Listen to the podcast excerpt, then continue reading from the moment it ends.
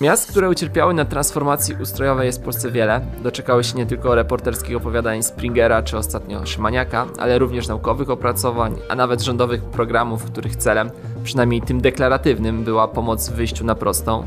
Znamy liczby zamkniętych fabryk, rosnących kosztów utrzymania czy wreszcie masowej emigracji, ale czy wiemy jak zmienili się mieszkańcy tych miast? Witajcie w najnowszym odcinku podcastu Międzymiastowo, realizowanego przez Klub Jagielloński.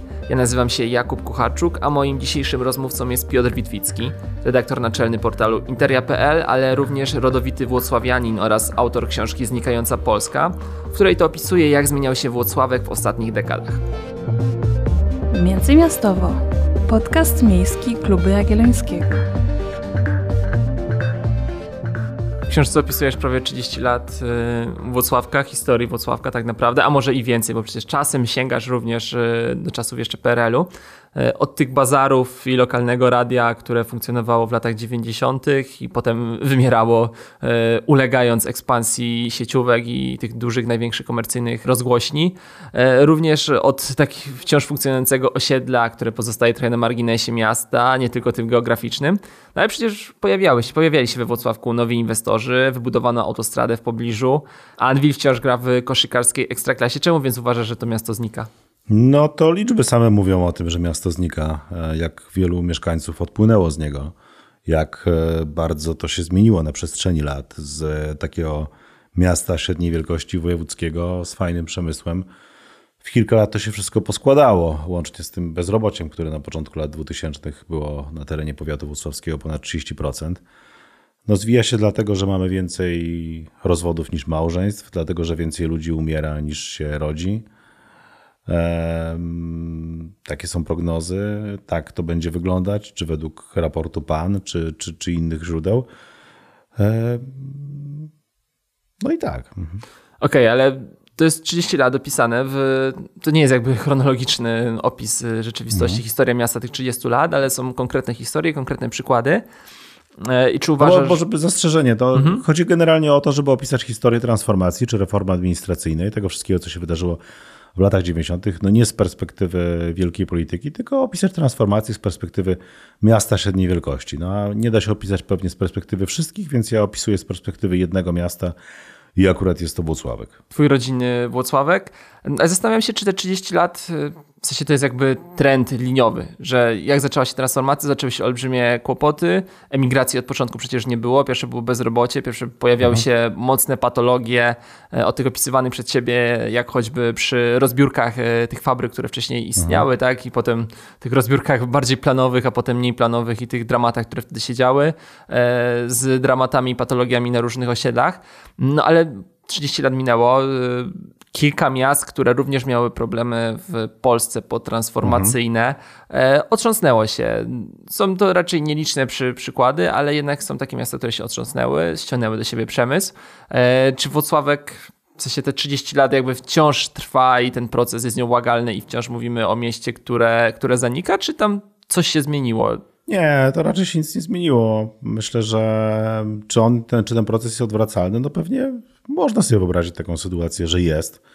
Nic na to nie wskazuje, no ale wyobraźnię trzeba mieć szeroką.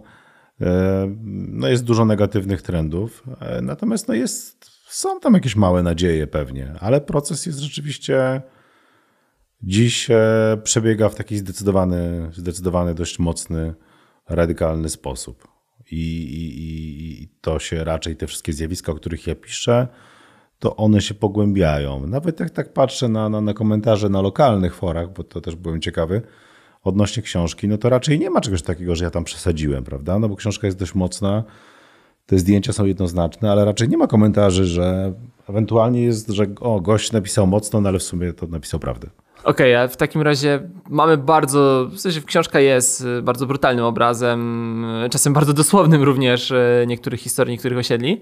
No ale czy w takim razie pojawia się w przekonaniu tych mieszkańców, którzy zostali jakby poczucie, że jesteśmy jakby, mamy poczucie, że żyjemy w gorszym mieście, że są w Polsce miasta, no nie tylko, że żyje się w nich lepiej, tak, ale w których by się czuli lepiej, a oni mają taki los związany trochę nierozerwalnie związany jakby z historią i losami miasta, ale trochę jednak mocno uwarunkowywany. No, wiele rzeczy się splata, to znaczy mhm. jeżeli sam, chodzi o samą historię, to z jednej strony jest to historia samego miasta, historia Polski. No a też pewnie brak szczęścia do włodarzy i do mm, no, zachwiania całą tą strukturą. Natomiast jest też e, pewnie trochę tak, że czy mogło to by wyglądać inaczej, tak? No, chyba niespecjalnie, no bo historia Wocławka jest tak naprawdę historią wszystkich tych miast e, średniej wielkości. No, niczym to się nie różni od Grudziądza, Konina, e, może trochę od Płocka, tak? gdzie jest chociaż Orlen e, duży i tak dalej. Natomiast no, co do zasady, no to te podobne historie miały miejsce w każdym mieście, no bo w każdym z tych miast przemysłowych średniej wielkości przemysł padł po 1989 roku. No i teraz pytanie, jak padał, z której strony? No ja opisuję cztery zakłady, cztery duże fabryki w Włocławku. Można by ich w sumie opisać nawet jeszcze więcej, ale one wyczerpują, że tak powiem, to, o co mi chodziło. E, no i tak. Regres miasta tak naprawdę zdefiniował pewnie już kilka pokoleń. Włocławiany ty wyjechałeś, pewnie wiele osób z tego miasta również wyjechało. Wspominasz w książce, że są tacy, którzy na przykład z Anglii po tym jak zarobili wracają do miasta. Oczywiście nie wiążą z tym miastem jakichś wielkich oczekiwań, nie, nie, wiedzą, że nie wracają do miasta, które się diametralnie zmieniło, no ale jednak tutaj mają e, pewne zalety, na przykład to, że blisko jest rodzina, która pomaga przy wychowaniu dzieci choćby. Bo generalnie większość ludzi jest pewnie ukształtowana tak, że wcale nie chce się wprowadzać z rodzinnego miasta i raczej moje doświadczenia, doświadczenia moich znajomych no były takie, że ludzie tak no, raczej woleliby zostać, no ale bardzo często się nie dało, tak, prawda? No te, te, te, te lata, czyli końcówka rządów AWS-u, początek SLD, czyli tak, rok 2001 pewnie, tak to podsumujmy, no to był bardzo czarny okres dla miasta, taki smutny, ciemny, z olbrzymim bezrobociem, z olbrzymi, olbrzymimi problemami, z takim w ogóle brakiem nadziei, Potem część tych młodych ludzi, która wchodziła na rynek pracy i szukała tej pracy, e, no po prostu pojechała za granicę. E, I, I, ja to widziałem na przykładzie podwórka, po prostu, z którego nagle zniknęło bardzo wiele osób. Tak po prostu pewnego dnia ja wróciłem tam ze studiów, tak, a jakby kolegów nie było.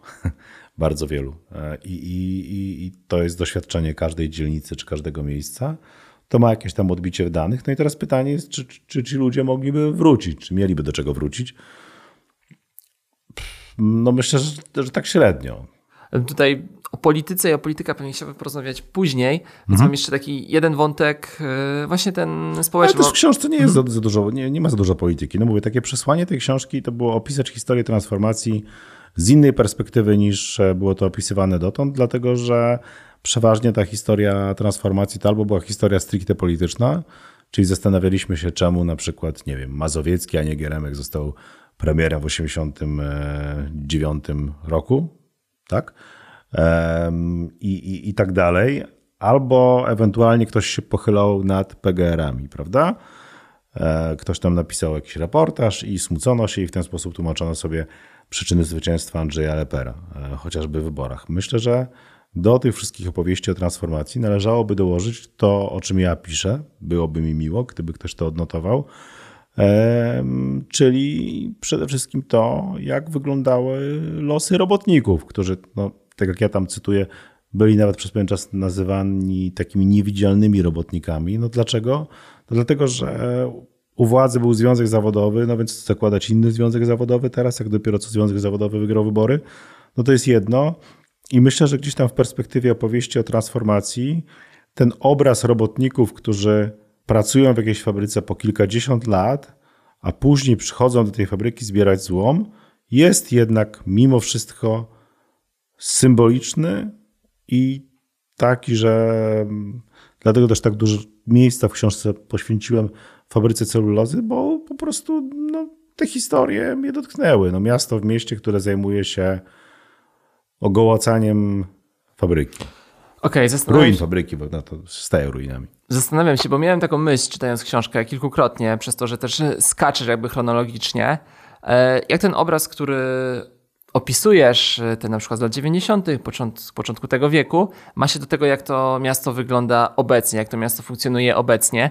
Kilka odcinków temu rozmawiałem tutaj z Krzyśkiem Mazurem również o średnich miastach, o tym, w jaki sposób e, można przyciągnąć do średnich miast e, tych, którzy z, niego, z nich wyjechali, ale też może nowych obywateli. Tam pojawiało się wiele różnych wątków, ale pojawiało z ust Krzyśka również takie twierdzenia o tym, że jest sporo miast w Polsce, które już ten pomysł powoli zaczynają mieć i brakuje trochę jednak jakby przebojowości polityków e, w tym, żeby żeby te miasta, żeby tych ludzi przyciągać, tak, że ci politycy, którzy tam lokalnie zarządzają, powinni się wyrwać trochę ze swojej strefy komfortu i jednak e, choćby zacząć rozmawiać z tymi ludźmi, czego oni potrzebują, porozmawiać z tymi, którzy już wrócili do tego miasta, przecież tacy często są, zazwyczaj są rodzynkami, ale jednak wracają. No i jakąś strategię próbować e, przyjąć, bo niewątpliwie powinno im zależeć na powrocie takich ludzi albo na nowej, nowej, nowej migracji tak, do miasta. E, no ale zastanawiam się, jak to wygląda we Włocławku, tak? Czy ten obraz namalowany przez ciebie właśnie z lat 90., początku XXI wieku, e, tych dzielnic, e, zarówno tej najgorszej dzielnicy Leopoldowo, tak? Jeżeli mnie... To jest osiedle. Tak, e, osiedla. To jest no takie po, podwłocławskie no takie w zasadzie getto utworzone z e, trzech dużych bloków. No ale to jest bardzo czarny obraz jednej jakby wyjątkowej dzielnicy na swój sposób. E, pytanie, czy... Coś tam próbowałem też z pozytywnego wrzucić, czyli historię tenera tam no bo to są historie przeważnie ludzi. Natomiast no tak, no, mierzenie się akurat z zakrętem, czyli no formalnie Leopoldowem jest mierzeniem się z naprawdę ciężką historią. Okej, okay, no ale jak wyglądają pozostałe dzielnice w tym momencie, tak? Czy tam się nic nie zmieniło w stosunku do tego, co opisywałeś? Opisywałeś też e, choćby Śródmieście, opisywałeś te... Znaczy nie, no e, pewnie akurat, no bo to też, żeby nie, nie przesadzić teraz mhm. drugą stronę, ja opisywałem to, co jest e, ciekawe, no Śródmieście, centrum miasta, no jest z natury rzeczy interesujące. No, praktycznie każdy, kto, kto opisywał gdziekolwiek Włocławek, to tam trafiał. I mm, no też niesamowita jest ta struktura społeczna e, miasta, nad którą ja się tam pochylam, właśnie na Śródmieściu. No oczywiście, no pewnie osiedla, te większe osiedla, no wyglądają tak jak w całej Polsce, czyli no blok, bloki, tak, z płyty e, i, i, i tak dalej. Czy coś się dzieje tam nadzwyczajnego? Chyba niespecjalnie, naprawdę to, jak ktoś przeczyta książkę, to sobie pomyśli, że no to są jakieś tam dane, że społeczeństwo się starzeje, prawda? No ale to, to widać gołym okiem, no przynajmniej dla mnie, jak ja tam przyjeżdżam raz na jakiś czas, to naprawdę widać, jak to społeczeństwo tam się starzeje, bo myślę, że pewnie też oficjalne dane nie oddają prawdziwego charakteru. Prawda? Oficjalnie wciąż jest to miasto ponad 100 tysięczne, tak? No nie ma możliwości, żeby to było miasto 100 tysięczne. To jest po prostu niemożliwe, tak? Chyba, żebyśmy zaczęli do, dołączać do tego jakieś okoliczne miejscowości czy, czy, czy tam wioski, ale no, no, no nie jest to miasto studyjne. No, wynika to z problemu, o którym też pewnie tam dyskutowaliście w klubie jagiellońskim, czyli no z tego, że ludzie no już mieszkają, żyją gdzie indziej, jeszcze się nie zdążyli przemel przemeldować. Tak? Ja... A nie obawiasz się tej łatki, publikując książkę, wiele lat temu już z miasta wyjechałeś, teraz czasem wracasz, e, że jednak a wyjechał z miasta, ale opisuje rzeczy, które zapamiętał ze swojego jakby tam dzieciństwa, ale teraz to miasto wygląda kompletnie inaczej. Rzeczywiście miało swoje problemy, ale zaczęło się odbudowywać. Nie ma takiego zjawiska, nie wiem, takich pierwszych komentarzy. Znaczy nie, no nie można tak powiedzieć, bo tak nie jest, nie? E, w sensie, no jakby nie zaczęło się odbudowywać.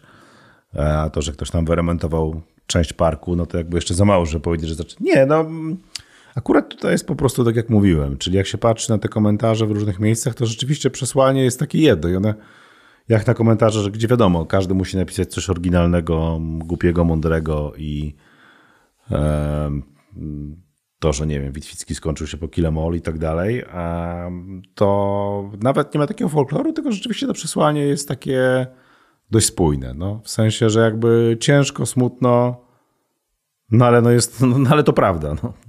To raczej ludzie są zadowoleni, że ktoś powiedział o tych problemach, tak? że one naprawdę istnieją.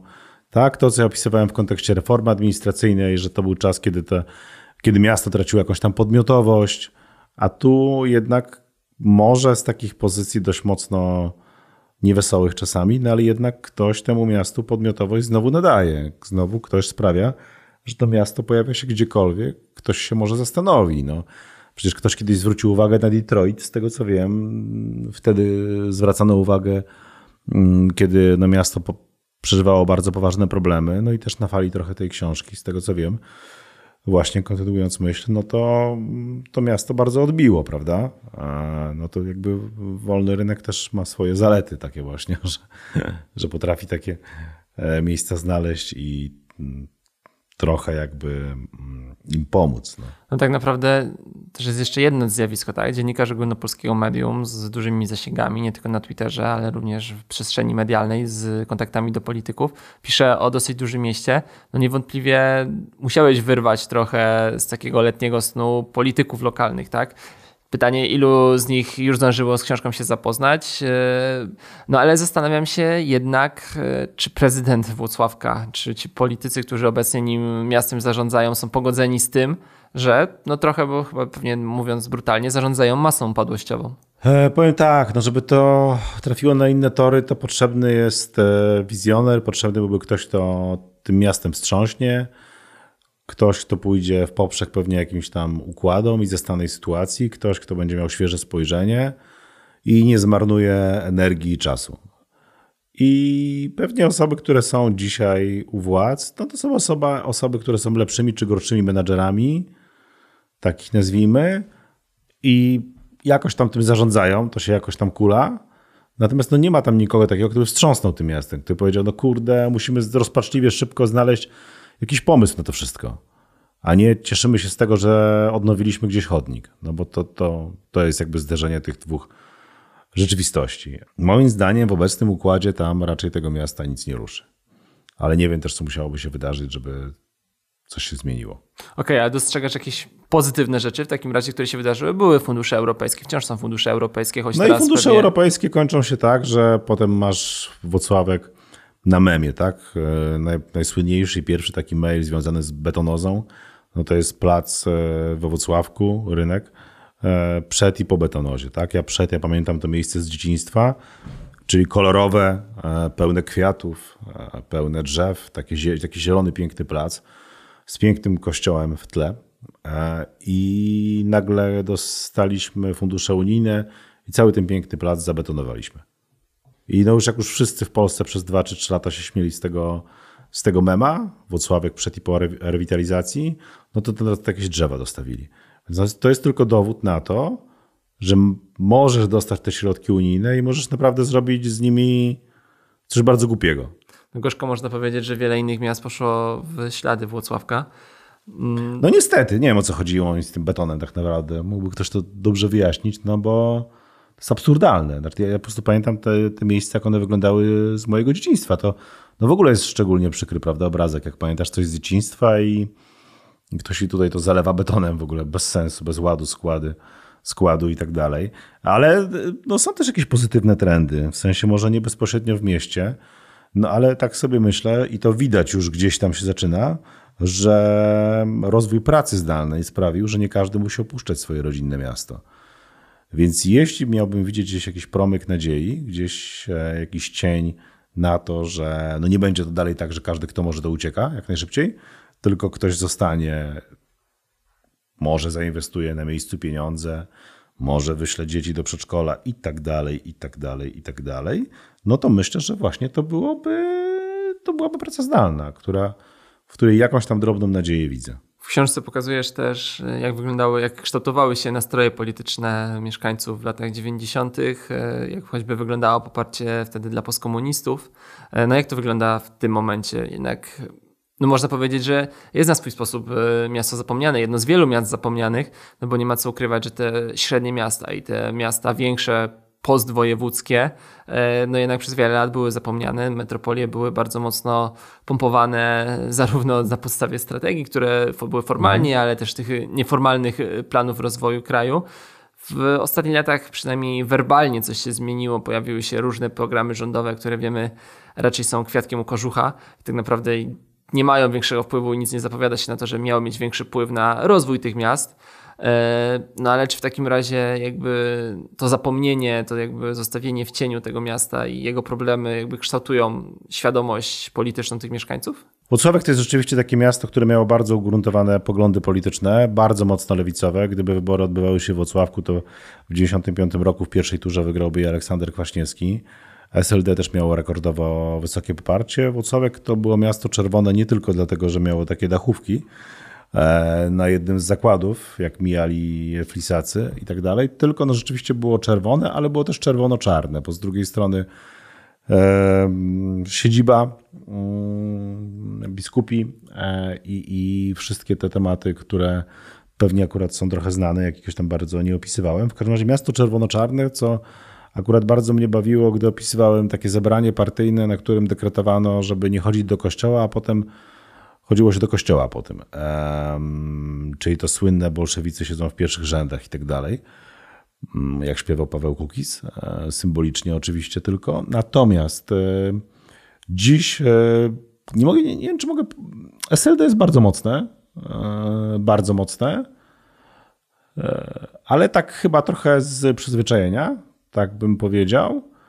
Rządzi w zasadzie Platforma. Wcześniej prezydent był właśnie wielokrotnie tam z SLD, raz nawet był z AWS-u.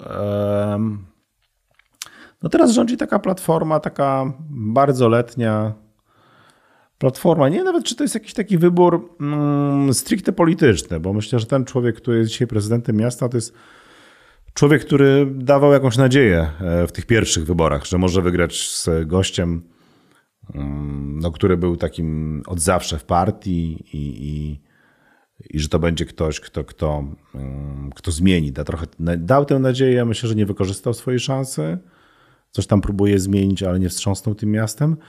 E, z tego co pamiętam, raczej miasto głosuje na platformę. Ale też tak, jakbym miał szukać jakiejś intuicji, to bym pewnie powiedział, że to wynika bardziej mm, nie z jakiejś wielkiej miłości do tej platformy, tylko pewnie raczej z przyzwyczajenia, a może nawet nie przyzwyczajenia, tylko braku alternatywy, jakiejś takiej skrojonej pod e, mieszkańca miasta, trochę z jakimiś tam ambicjami, a trochę smutnego, że to miasto jest w tym miejscu, w którym, w którym jest. Czyli głosuję na platformę, której politycy, przynajmniej gdy rządzili, raczej się zbyt wiele takimi miastami jak Włocławek mhm. nie zajmowali, nie chcieli się zajmować. E, I zastanawiam się w takim razie, no jak to, że mamy takie średnie miasta i mhm. większe miasta, które no, były zapomniane, wciąż są zapomniane, Twoim zdaniem, już teraz e, abstrahując od Włocławka, ale tak z perspektywy dziennikarza, który jest z portalu zajmującego się całym krajem, tak, i z ogólnokrajowym zasięgiem, e, jak to wpływa na jakby wybory polityczne w Polsce? No myślę, że pewnie no nie robiłem akurat pogłębionych e, badań, jeżeli chodzi o wybory polityczne w Włocławku. Mogę bazować na pewnych danych, które znam, pewnych intuicjach i pewnej, że tak powiem, znajomości tematu wynikającej z wielo, e, wielu, wielu rozmów e, z mieszkańcami. Wydaje mi się, że kluczowy jest ten taki brak alternatywy, że, że niespecjalnie jest chyba poczucie, że ktoś reprezentuje takie ośrodki, bo pewnie na platforma wiadomo tak średnio, co wynika chociażby z tego, o czym piszę w pewnym momencie z wydawaniem środków unijnych. E, PiS pewnie jest, chodzi jeszcze niżej, w jeszcze mniejsze miejscowości, jeszcze w, e, w tereny pewnie nawet wiejskie. Mm, więc pewnie jest takie poczucie osamotnienia. No, pewnie ono jest. Pewnie, pewnie jakbyśmy konstruowali sobie takie państwo idealne, to w takim Wocławku no to powinna mieszkać, przepraszam, mieszkać e, klasa średnia. A mm, a raczej takie dość mocno zubożała mieszka. Co twoim zdaniem musiałoby się stać, żeby los tych miast, takich jak Włocławek się zmienił? No te, te ja mówię trochę o tej deaglomeracji, deglomeracji. Mm, oczywiście to jest taki projekt no, polityczno-intelektualny, który wiadomo, e, jeśli on pozostanie na takim poziomie, czy ograniczy się do tego, że jakiś urząd gdzieś przeniesiemy, no to, to jakby jest to nic nie warte. Bardziej mam na myśli pewną zmianę mindsetu, pewną zmianę sposobu myślenia. No jesteśmy teraz w Krakowie, czy naprawdę w Krakowie muszą być wszystkie te uczelnie. Ja też rozumiem, że, no, że to jest tak, że UJ nie będzie nagle na jakiejś wiosce nadawał. Okej, okay. a z drugiej strony, no na przykład miasto nie radzi sobie z, z liczbą studentów, tak? Te przepełnione tramwaje wcześniej, mm, te wszystkie sytuacje, a jednocześnie gdzieś tam, e, gdzieś tam można by spróbować chociaż trochę to zdecentralizować, chociaż chociaż no spróbować. Zobaczyć, jak to będzie, e, jak to będzie działało, e, bo może trochę, może trochę by zadziałało. Ja myślę, że Wocławek w ogóle to, co tam kiedyś przegrał, to to, że odpuszczono właśnie szkołę, odpuszczono uczelnię, Zdaje się, to miała być e, w międzywojniu Akademia Rolnicza. O czymś takim myślano, gdzieś tam ktoś odpuścił. No i pewnie też to, to, to że jest dość mocne UMK w Toruniu, 45 km od Włocławka, to też pewnie nie pomaga w całej tej układance. No myślę, że kluczowa jest w ogóle uczelnia zawsze. Kluczowa jest uczelnia z jednego prostego powodu, no bo pojawienie się mocnej jednostki zmienia w ogóle strukturę społeczną miasta, tak? Bo raz, że są to pracownicy naukowi, dwa, że są to ich rodziny, trzy, że są to zostający albo przyjeżdżający wręcz studenci, no bez tego to nie pojedzie. Znaczy, Twoim zdaniem, wspomniałeś o deglomeracji, w ogóle tą ideę da się w jakiś sposób powiedzieć w średnich miastach, bo nie ma co ukrywać, że tak jak powiedziałeś, to jest projekt y, intelektualny, który gdzieś tam może w mediach ogólnokrajowych się przebijał, szczególnie gdy pojawiały się różne raporty, e, ale jednak e, w świadomości polityków pewnie też jest obecny, ale nie wydaje się, że kogokolwiek z polityków znaczy, był traktowany jakby... Znaczy... Mhm. Też bym nie przesadził, bo nie chcę tu robić reklamy teraz żadnemu politykowi, czy nie taka jest moja rola, ale wydaje mi się, że często jest tak, że ci politycy, którzy, których widzimy, oni dość konkretnie, niektórzy potrafią zadbać o swoje mm, okręgi wyborcze. No też nie czarujmy się, tak? I znam kilka przykładów, gdzie ktoś zabiegał, żeby jakaś instytucja takiego średniego szczebla trafiła po prostu do jego okręgu wyborczego. Eee, I to się w przynajmniej paru przypadkach udawało. Więc jeśli ci posłowie z terenu będą w miarę mocni i będą tak walczyć, to może to będzie miało nawet ręce i nogi. Wspominaliśmy na wstępie, że Włocławek nie jest jedynym takim miastem. E, trochę więc zmieniając perspektywę i nie pytając się jako autora książki, ale mhm. jako dziennikarza e, dużego medium, e, czy w ogóle perspektywa i tematyka miast y, w dyskusji ogólnopolskiej, y, tych miast szczególnie będących metropoliami, budzi jakiekolwiek emocje? Czy to jest coś, co się klika? Czy zajmując się takim tematem, trochę robisz to hobbystycznie, bo wiesz, że trochę jesteś to winny swojemu miastu, trochę chciałbyś wrzucić inną perspektywę, ale wiesz, że to nie będzie miało zasięgów? Trudno mi tak jednoznacznie odpowiedzieć na to pytanie, dlatego że po pierwsze, no rzeczywiście robiłem to totalnie hobbystycznie nie wiąże, że tak powiem, świetlanej komercyjnej przyszłości z moim pisaniem. Zrobiłem to dlatego, że miałem taką potrzebę. Gdzieś tam, tak jak powiedziałeś, uważałem, że jestem to winien swojemu miastu, że po prostu powinienem, może inaczej, uważałem tak na dobrą sprawę, że jeśli ktoś nie opowie tych historii o upadających fabrykach, o tym, jak się traciło województwo, jak to wyglądało w praktyce, nie porozmawia z tymi ludźmi, to te historie pozostaną nieopisane. A mi zależało, żeby to zostało opisane. No i no niestety musiałem zrobić to właśnie sam. Natomiast czy to budzi emocje? Powiem tak, no wrzuciłem kilka takich kawałków, e, kilka, no, no może nie kilka, ale coś tam sądowałem. Był nawet wrzucony fragment książki mojej i to klikało generalnie. Byli ludzie tym zainteresowani, tak jakby zaskakująco, zaskakująco. Oczywiście sami mieszkańcy też są bardzo zainteresowani, że w końcu ktoś opowiada tę historię. No ale rozumiem, że intuicja Twojego pytania była troszeczkę inna i chciałeś zapytać, czy można z tego ukuć kapitał polityczny, tak? Teraz, że kapitał polityczny, mhm. na dwa, czy w ogóle może nie, czy jest sens opowiadać o miastach w takich portalach e, ogólnokrajowych, ale czy no w jakiś sposób są tam czytelnicy, którzy chcą o tym czytać. Czy wiadomo, tak? że nikt z Warszawy nie będzie czytał nagle jakimś Wocławku, prawda? No może poza jakimś szalonym gronem intelektualistów, którzy akurat e, wpadną w taką beczkę i pomyślą, że teraz zmieniają perspektywę to może być jakoś tam dla nich ciekawe. No tak jakby w takich wyborach konsumenckich każdy dba o swój kawałek mm, terenu, tak? E, czy tam kawałek podłogi. Myślę, że musi po prostu nadejść zmiana w myśleniu, ale to sam wspomniałeś o książkach kilku, które się ukazały. Ja myślę, że coś tam powoli się zmienia. Gdybym napisał taką książkę 5 lat temu, to byłaby perspektywa absolutnie księżycowa, tak? E, zresztą no, no pamiętam, jak rozmawiałem 5 lat temu o wydaniu takiej książki, no to no generalnie, jak o tym mówiłem, no to raczej tak ludzie na mnie patrzyli, no, że już tak nieźle oszalałem, nie? I tak, no okej, okay, no rozumiem, że chcesz napisać o swoim mieście, ale po co jakby zgłaszasz to wydawnictwu? No ale co, wydało to duże wydawnictwo, e, jest zainteresowanie, to więc no może dobrze wróży. No myślę, że trzeba pomyśleć o tym po prostu w innej perspektywie, no bo była perspektywa taka, że jest Warszawa, większe ośrodki, i cały pomysł wydatkowania środków unijnych w tym modelu polaryzacyjno-dyfuzyjnym Michała Boniego e, był dowodem na to, że tak, tak po prostu myśli, myślą centralne jednostki. no to się zmieniło. Ten rozwój jest troszeczkę bardziej zrównoważony. No to, to, to może, może ktoś tam zrozumie, że nie da się wygrać bez tych ludzi wyborów, więc no, trzeba będzie jakoś z nimi choćby flirtować, coś im dać, nie zapominać o nich zupełnie. No bo jak się zapomni, no to się i tak odbije na koniec dnia jakąś populistyczną czkawką.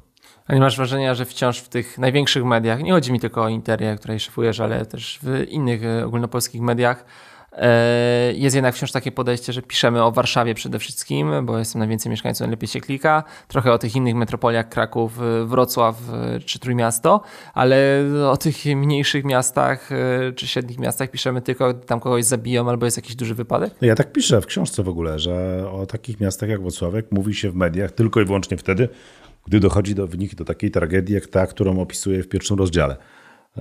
To to jest jakby smutna prawda.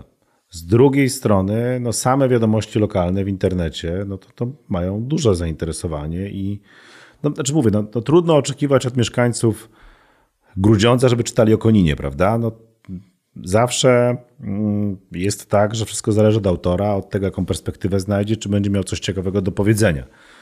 Jest grono ludzi, którzy opisuje ciekawe historie z tych miejsc i to już jest coś. No bo w latach 90. nie było pewnie takich opowieści, prawda? A, a teraz one są, więc można przynajmniej sobie wybrać, można zmienić tę perspektywę. Czy one cieszą się zainteresowaniem? No, generalnie w dziennikarstwie, w internecie to cieszy się zainteresowaniem no to, co zostanie dobrze opowiedziane. Tak? Jeżeli jakaś historia jest dobrze opowiedziana, no to może pójść. No teraz pytanie, im więcej ludzi będzie opowiadało takie historie, tym większa szansa jest na to, że gdzieś tam się coś zacznie przebijać. Myślę, że taka perspektywa stricte tylko warszawska, no ona ma też konkurujące ze sobą dyskursy.